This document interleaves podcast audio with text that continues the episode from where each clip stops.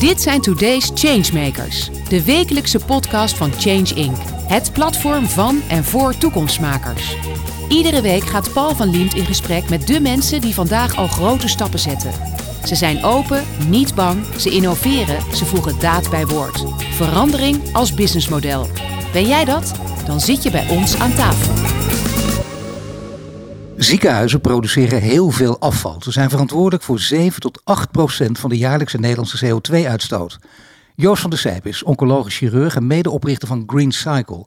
Daar ziet hij met eigen ogen dat er na iedere operatie zo'n 4 tot 8 vuilniszakken vol afval worden weggegooid en verbrand. Met Green Cycle wil hij de operatiekamer verduurzamen. Joost, welkom. Dankjewel. Je bent nog heel jong, jong van geest, maar ook om te zien. Dat zeg ik maar eventjes. De luisteraars hebben toch niks in de gaten. Dat scheelt. Maar goed dat er geen beeld bij is. geldt voor ze allebei. Nee, dat is heel flauw. Maar het is belangrijk om over dit onderwerp te gaan praten. Het is heel interessant. Ik wist eerder gezegd niet dat het bestond. Ik kende wel de Green Deal in de gezondheidszorg. Daar gaan we over praten. En, en precies hoe je dit dan moet plaatsen. Jouw initiatief Green Cycle met een paar andere mensen. Maar zoals altijd beginnen we met het nieuws van de week. En wat is jouw nieuws? Wat is jou opgevallen afgelopen week? Nou, in het algemeen is het zo dat we natuurlijk in de, in de wereld met een, een toename zitten van tekorten aan grondstoffen en energie. En um, in dat kader, nu we afhankelijk zijn geworden van het eh, gas van, uh, van Rusland, recent weer een pijplijn af, afgesloten, denk ik dat wij in onze hele mindset in, in Nederland en Europa toch moeten gaan naar een echte circulaire economie. Ja. En dat is denk ik een van de boodschappen die van belang is en die meteen ook raakt aan het initiatief wat wij hebben genomen. Jazeker, dat initiatief heeft te maken met verduurzaming in de zorg. En dan kun je wel afvragen, waar komt dat vandaan? Want ik denk een, een oncolo oncologisch ik heb ook even naar je pagina gekeken, in je ziekenhuis Leidsendam, vlak bij Den Haag. Dat is zwaar en belangrijk genoeg natuurlijk, eh, om, om patiënten gewoon op een gemak te kunnen stellen. Inderdaad, ze meteen eh, duidelijkheid te verschaffen. En dan ook dit initiatief er nog bij, dan vind je het wel heel belangrijk. Ja, nou, ik, ik, ik heb dat, uh, ben ik eigenlijk gestart met, uh, met Bart van Straten, onder andere van Van Straten Medical. En de reden dat we dat zijn begonnen is omdat wij een aantal jaren geleden onderling aan de borrel uh, met elkaar spraken. En natuurlijk wel heel veel raakvlakken hadden. Van Straten Medical is leverancier van medical devices onder andere.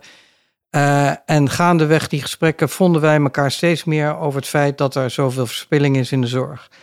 En die verspilling die gaat eigenlijk over het feit dat er heel veel single-use instrumenten gebruikt worden. Met overigens goede argumenten in het verleden. Wat zijn maar dat single-use instrumenten? Single-use instrumenten zijn instrumenten die voor één keer gebruikt worden in, in een operatie of een procedure. En daarna Tangetjes bijvoorbeeld, worden. Uh, doekjes. Nou, een stapler of een doeken. Uh, uh, zelfs stalen instrumentarium waar je mee snijdt en knipt of pincetten. Ja. Nou, dat is, dat is de reden dat dat ooit begonnen is, is vanuit kwaliteit en veiligheid en ook gebruiksgemak. Maar wat je ziet is dat daarmee op het moment dat het weggegooid moet worden en het gebruikt is, is volgens wetgeving is het gecontamineerd materiaal. En de wetgever zegt dat gecontamineerd materiaal altijd verbrand moet worden. Weer zo moeilijk worden, gecontamineerd materiaal. En dat ja, is... sorry, um, dat is natuurlijk een beetje vakjargon. Ja, maar dat is materiaal wat in contact is geweest met patiënten en dus in principe weefsel of bacteriën of virussen kan bevatten. Ja. En dat mag je in wezen niet gebruiken of hergebruiken of zelfs niet herverwerken. En wat wij aan het doen zijn, is dat wij uiteindelijk vanuit Green Cycle eh, de mogelijkheid hebben gekregen van de inspectie ook om in, in eerste instantie in een pilot dat materiaal te kunnen ontvangen, te desinfecteren en de onderdelen ervan te gaan hergebruiken, dan wel in, mine, in, in, in, in mini-factoring of opnieuw te gaan verwerken naar grondstoffen. En dat levert uiteindelijk heel veel op natuurlijk. Ja, ik vind het ook weer geweldig, omdat dit, het ligt zo voor de hand. En dat is, maar dat is makkelijk gezegd altijd achteraf. Dat zijn de beste ideeën natuurlijk, om daar op te komen. Nou, het, het, het ligt helemaal niet voor de hand, want je wordt toch wel Als hoor, dan denk ik, ja, wetgeving en, en dat soort zaken. Nee, maar, om het uit te voeren, maar om te bedenken, denk ik, ja natuurlijk. Wat gek dat dat altijd gewoon heeft doorgegaan.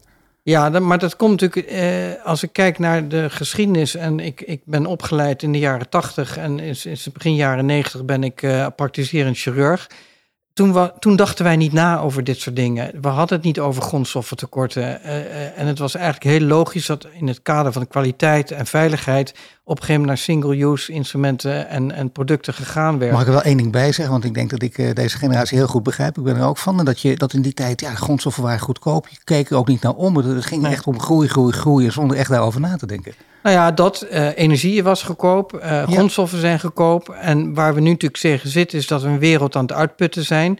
En dat eigenlijk verwacht ik dat je in 2040, 50 moet je alles wat je gebruikt kunnen hergebruiken en terugbrengen naar een grondstof die ook op hetzelfde niveau hergebruikt worden. Want je kan plastics wel opvangen en daar plastic zakken van maken, maar die verdwijnen ook op de vuilnisbelt. En dat heeft dus geen zin. Dus je moet het eigenlijk upgraden naar zelfs misschien een hoger product om het blijvend te kunnen gebruiken. En dat vergt heel veel inzicht en kennis, ook van, van plastics en dat soort dingen.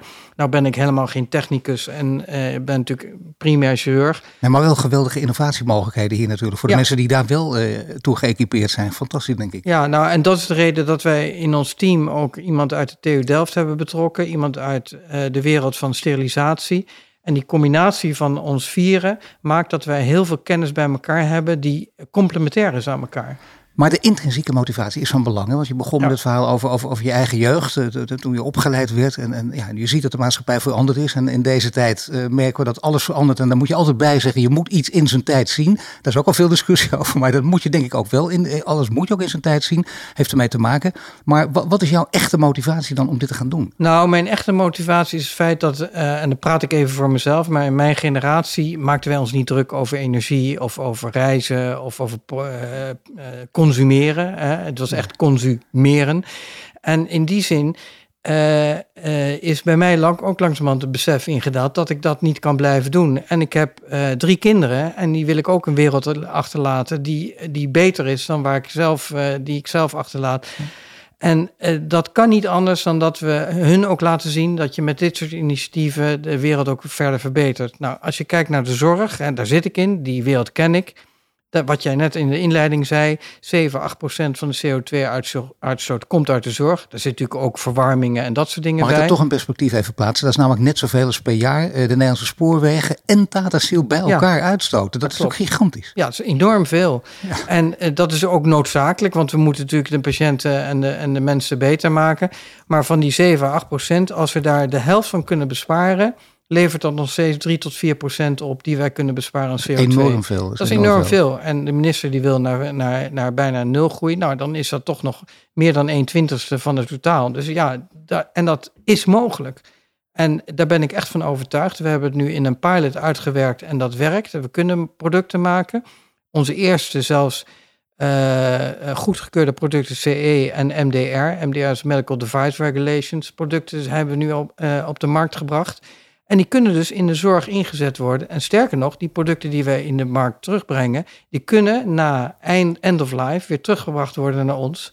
En dan maken we er weer nieuwe producten van. Nou, dus dan is de circulaire economie echt rond. En dat is pas echt circulair. Je zegt wel, de minister wil het ook. Maar dat horen we vaak. En ministers willen heel veel dingen, hele mooie woorden. Maar wat zijn de daden? En daarnaast ook, uh, hoe zit het met de lange termijnvisie? Want het is vaak toch een andere dynamiek. Uh, laten we zeggen in het bedrijfsleven en, en bij, bij, uh, bij start-ups ook. En, en aan de andere kant de politiek. Nou ja, de politiek die zit natuurlijk voor vier jaar, om het zo maar te zeggen, op zijn maximum. En dus de, de, de window of opportunity voor de verschillende bedrijfsmensen uh, is, of uh, uh, beleidsmakers moet ik zeggen, is, is wat dat betreft lastiger. Aan de andere kant, we hebben in Europa onszelf dit tot doelstelling gezet om, om dit te gaan doen. En um, als je kijkt naar die initiatieven die wij nu aan het ontwikkelen zijn, dan is het de pilotfase inmiddels ontgroeid en kunnen we naar een, vergroting en naar industrieel uh, dit te gaan doen.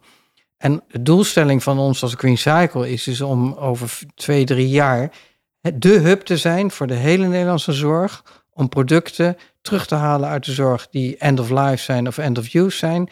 En die in een volledige circulaire uh, missie weer terug te brengen naar de zorg zelf. En daar hebben we hulp bij nodig. In die zin de ziekenhuizen. Nou, ik merk zelf dat in de ziekenhuizen er een enorme intrinsieke motivatie is.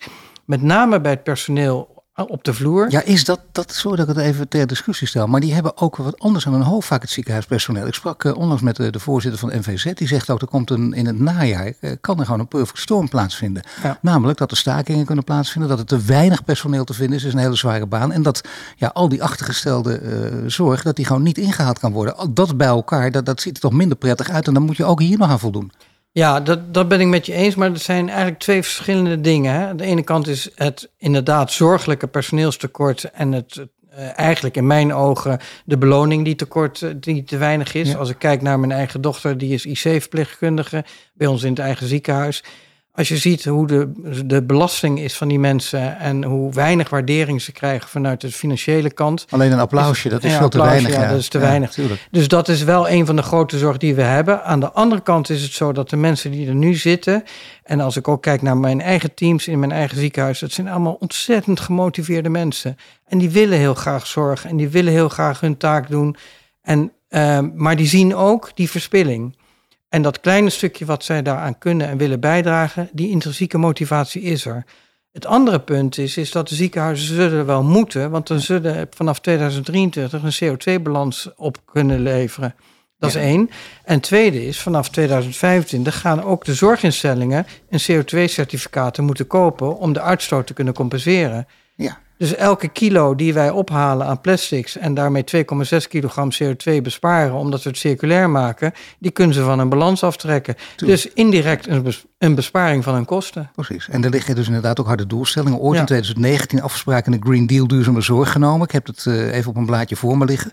CO2-uitstoot terugdringen tot 49% in 2030 staat erin. Circulair maatschappelijk verantwoord inkopen. Minder medicijnresten in grondwater, sloten en rivieren. En gezonde werk- en leefomgeving voor zorgpersoneel en patiënten. Ja. Dat zijn dus extreme ambities. Die ambitie heb jij trouwens ook. Heel groot. Dat natuurlijk al veel mooier en prikkelender ook is dan, dan het heel voorzichtig te willen doen dit, dit is allemaal bij elkaar dus een enorme opgave. En je zegt het ziekenhuispersoneel is ondanks de situatie gemotiveerd. Jijzelf, dat vind ik toch interessant. Uh, dat hoor je ook heel vaak bij, bij mensen in het bedrijfsleven. Hoe zijn ze veranderd? Hebben ze, zijn ze tot een andere mening gekomen, ook van jouw generatie?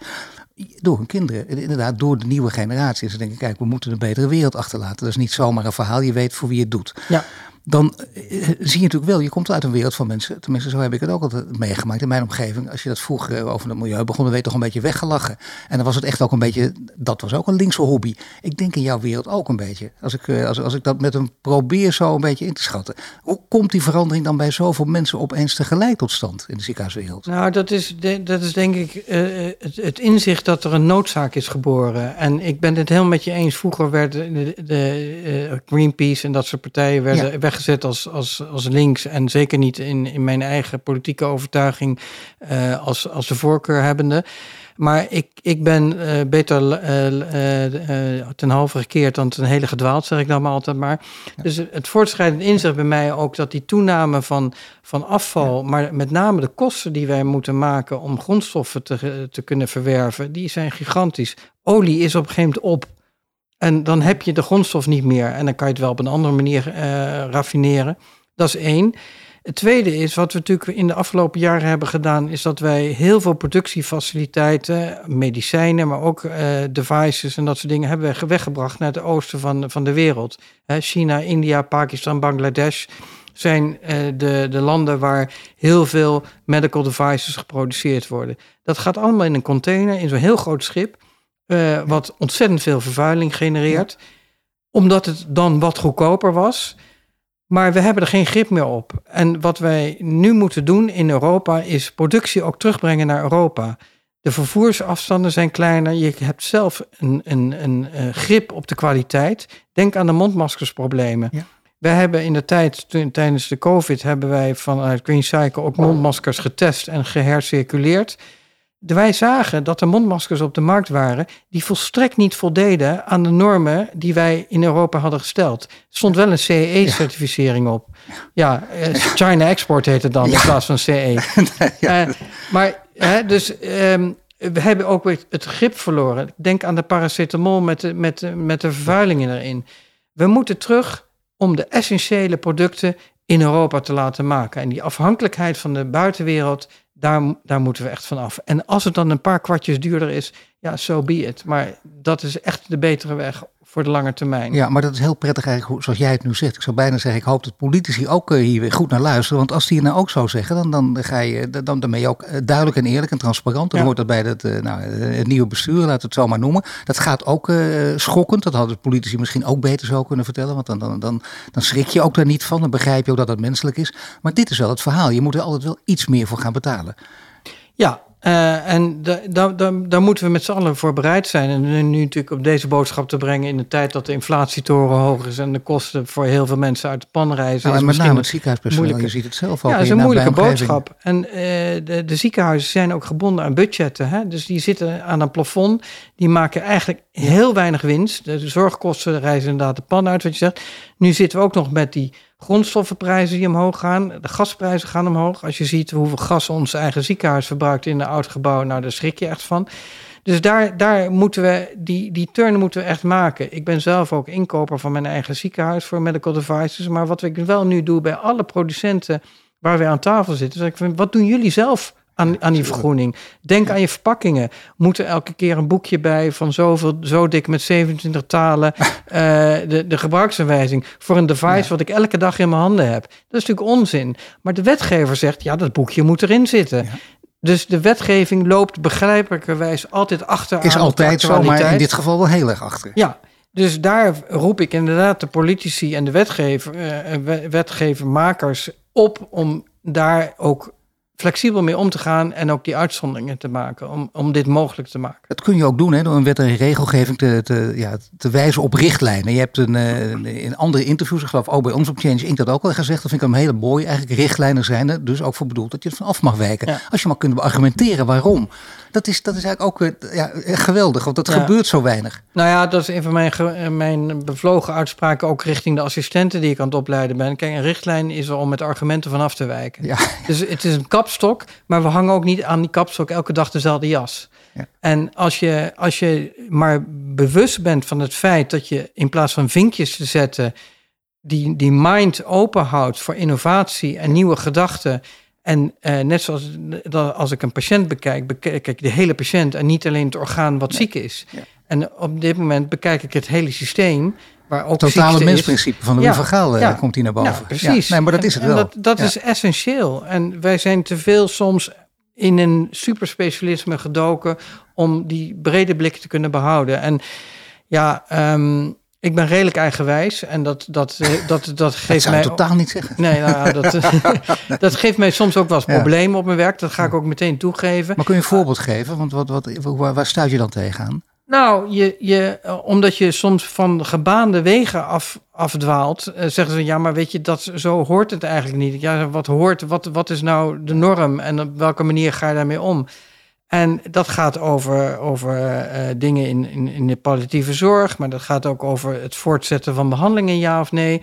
En dat heeft natuurlijk ook te maken met ervaring. Ik zit bijna 35 jaar in het vak. En op een gegeven moment kan je dan ook bepaalde zaken meer relativeren. En daarmee de weg banen voor een zorg die holistisch is in plaats van specialistisch. Maar zijn directies daar, dat hangt natuurlijk per ziekenhuis ook weer vanaf. Dan hoop je dat directies daar ook voor openstaan. Ik ken er genoeg die inderdaad ook daar weer nieuwe generatie directeuren, mannen en vrouwen, die daar wel voor openstaan. Maar er zijn er ook een aantal die, die juist denken, heel angstig, alsjeblieft, blijf van mijn winkeltje af.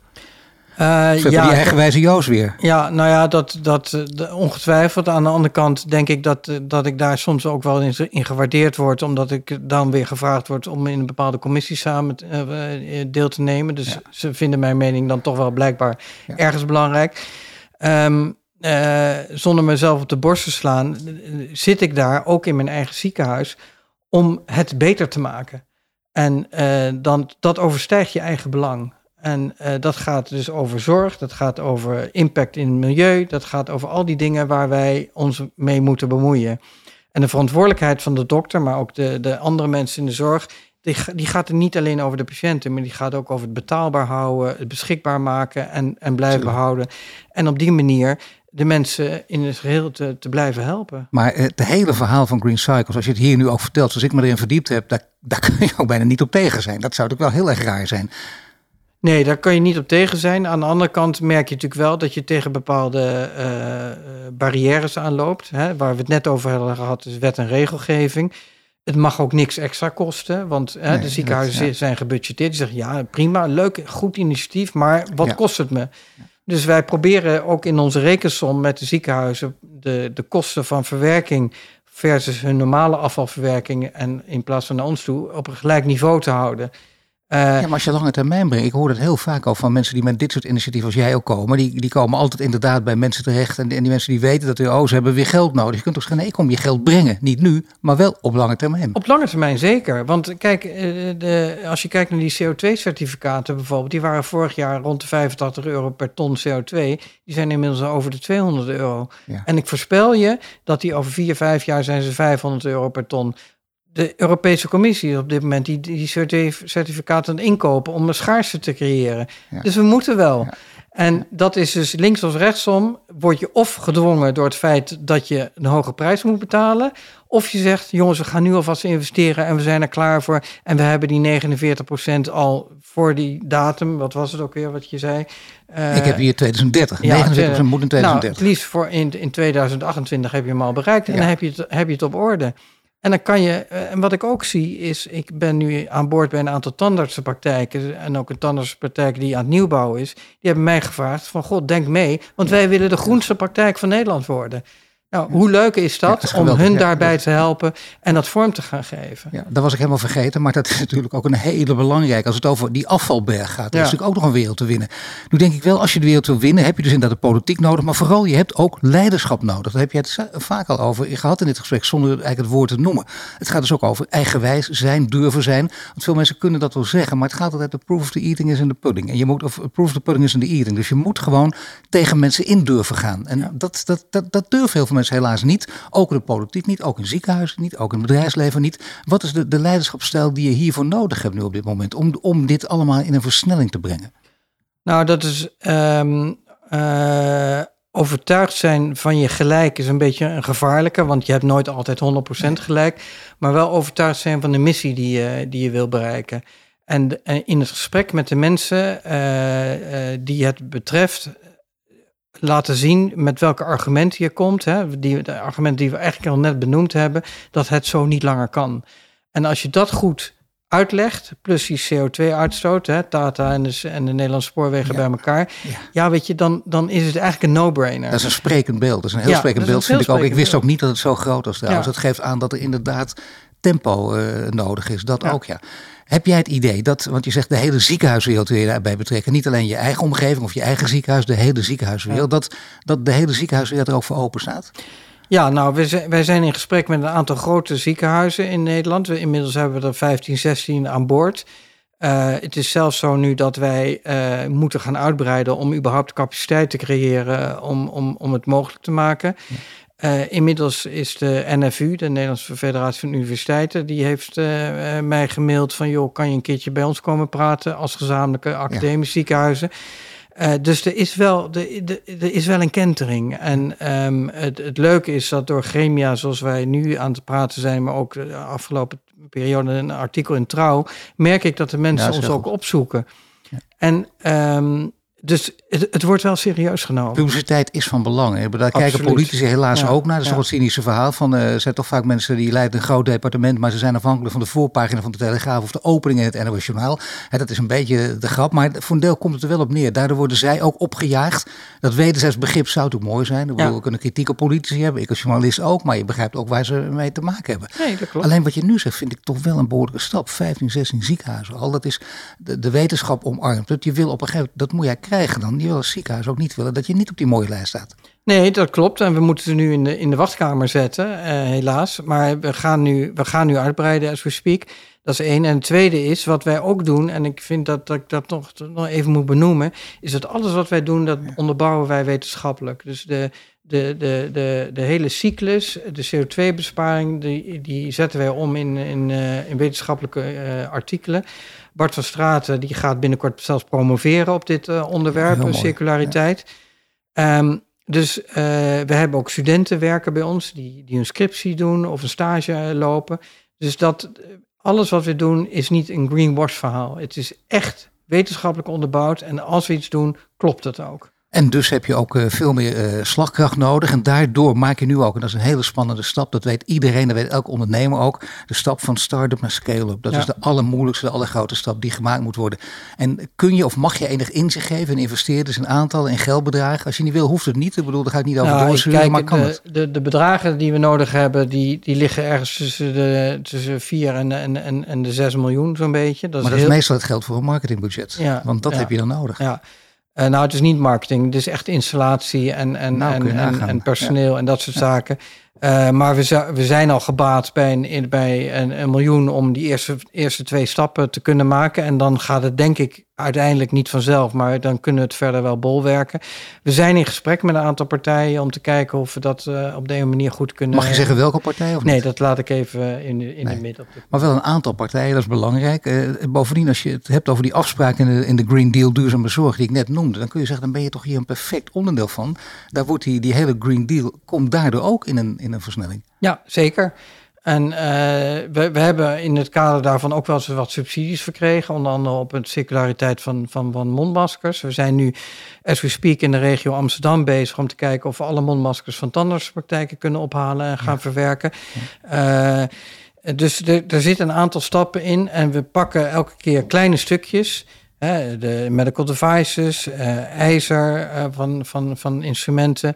Maar we zitten ook op andere trajecten, zoals het, het duurzaam gebruik en hergebruik van, van middelen. Zoals instrumentarium eerst repareren voordat je het weggooit en op die manier de levensduur verlengen. Dus het is niet alleen, alleen maar circulair maken, maar ook de ziekenhuizen en de tandartsenpraktijken adviseren van oké, denk eens daaraan en hoe ga je dat op die manier vormgeven. En nou ja, eh, een mooi voorbeeld van die eentanderspraktijk heb ik gezegd: waarom gebruik je de restwarmte van je centrale sterilisatie niet om je hele gebouw mee te verwarmen? Oh ja, dat was een leuk idee. Dus ja, weet je, er zit, er zit, het is, dat is ook weer die holistische blik.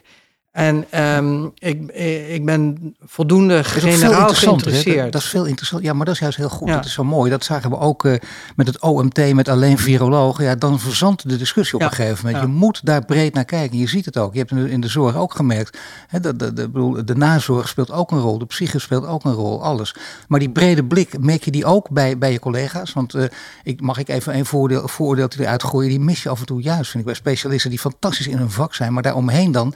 Daar, misschien nog geen tijd voor hebben of geen oog voor willen hebben en bijna monomaal met hun werk bezig zijn. Nou ja, kijk, ik, ik, dat begrijp ik ook wel. Want als jij volledig ingenomen wordt door je, door je werk eh, voor, als patiëntenzorg, dan, en, en daar, je hebt al je aandacht daarvoor nodig, dan, dan moet je dat vooral doen. Um, ik heb ook door mijn ervaring en dingen wat meer tijd en ruimte in mijn hoofd gekregen om, om met, dit, met, met dit soort zaken bezig te houden. Plus het feit dat ik één dag in de week specifiek hiermee bezig ben. En die ruimte ook voor mezelf heb gecreëerd om dat te kunnen doen. Ja. Ehm, dat wil niet zeggen uh, dat ik daarmee uh, uh, niet altijd aansta, zoals mijn echtgenote zegt. maar het, het is voor mij ook een uitdaging waar ik energie uit krijg. Ja. En dat is een ander stukje intrinsieke motivatie, behalve de maatschappelijke en, en het voor de toekomst beter maken. Dit zijn initiatieven, daar krijg ik ontzettend veel energie van. Nee, maar dat zie ik eigenlijk, dat, begrijp ik ook. Nee, dat blijkt uit het hele verhaal ook.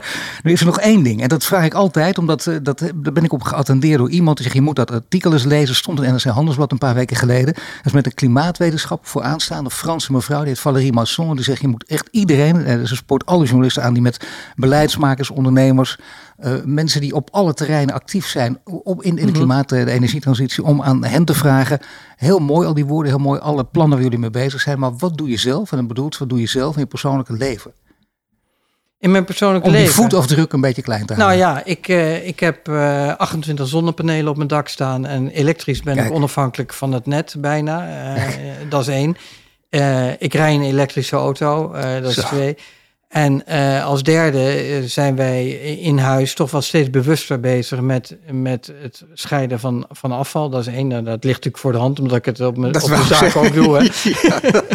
Zo'n beetje raar zijn ze dat niet deed. Um, uh, en, um, uh, en ook qua inkoop van, met voeding en dat soort dingen, denk ik toch, kijk ik toch steeds meer van waar komt het vandaan. Als, het, uh, als ik een avocado heb die uit Brazilië komt of uit Portugal, dan neem ik die uit Portugal. Uh, dus, uh, nee, dat is echt een goed doorontwikkeld bewustzijn. Maar werkt dat ook bij, laten we zeggen, misschien je oude vrienden van vroeger, waar je anders mee sprak en die dachten, ah, hou dat toch op en kom op, we hebben toch een leuk leven, die onzin allemaal. Of merk je dat er echt een verandering ook daar gaande is? Nou, als ik kijk naar mijn eigen jaarclub, uh, die ik, waar ik recent nog een, een, borrel mee aan het drinken was in Amsterdam, die vinden het echt verwoestend interessant wat ik aan het doen ben. en die hebben daar echt belangstelling voor. Uh, een van mijn clubgenoten is ook een huis aan het bouwen, wat volledig uh, energie-neutraal is. Dus uh, daar is, daar is die, die, generatie, hè, want daar hebben we het dan er komen over, het zijn allemaal leeftijdsgenoten van mij, die is daar echt wel mee, echt wel mee bezig. Ja. Nou, dat is ook zelfs als afsluiter heel mooi en goed nieuws. Ik wens je heel veel sterkte. Hopelijk gaat het lukken. Dat lijkt me eigenlijk ook, dat lijkt me no-brainer. Dat moet gewoon. Zeker als mensen dit nu gehoord hebben van die start-up, dat moet ook een scale-up worden. Ik dank je hartelijk, Joost. En je luisterde naar een podcast van Change Inc. Powered by Achmea, Albron, Ebbingen, Renewy en Vattenfall. Bedankt voor het luisteren naar de Today's Changemakers podcast. Een productie van Change Inc. gepresenteerd door Paul van Liemt. Ben of ken jij een changemaker? Meld je dan snel aan via onze Change Inc. website. Wil je dat meer mensen geïnspireerd worden? Deel de podcast dan op sociale media. Wil je meer afleveringen luisteren? Volg ons dan nu via je Spotify, Apple Podcast of je favoriete podcast-app. En krijg een melding wanneer er een nieuwe aflevering online staat.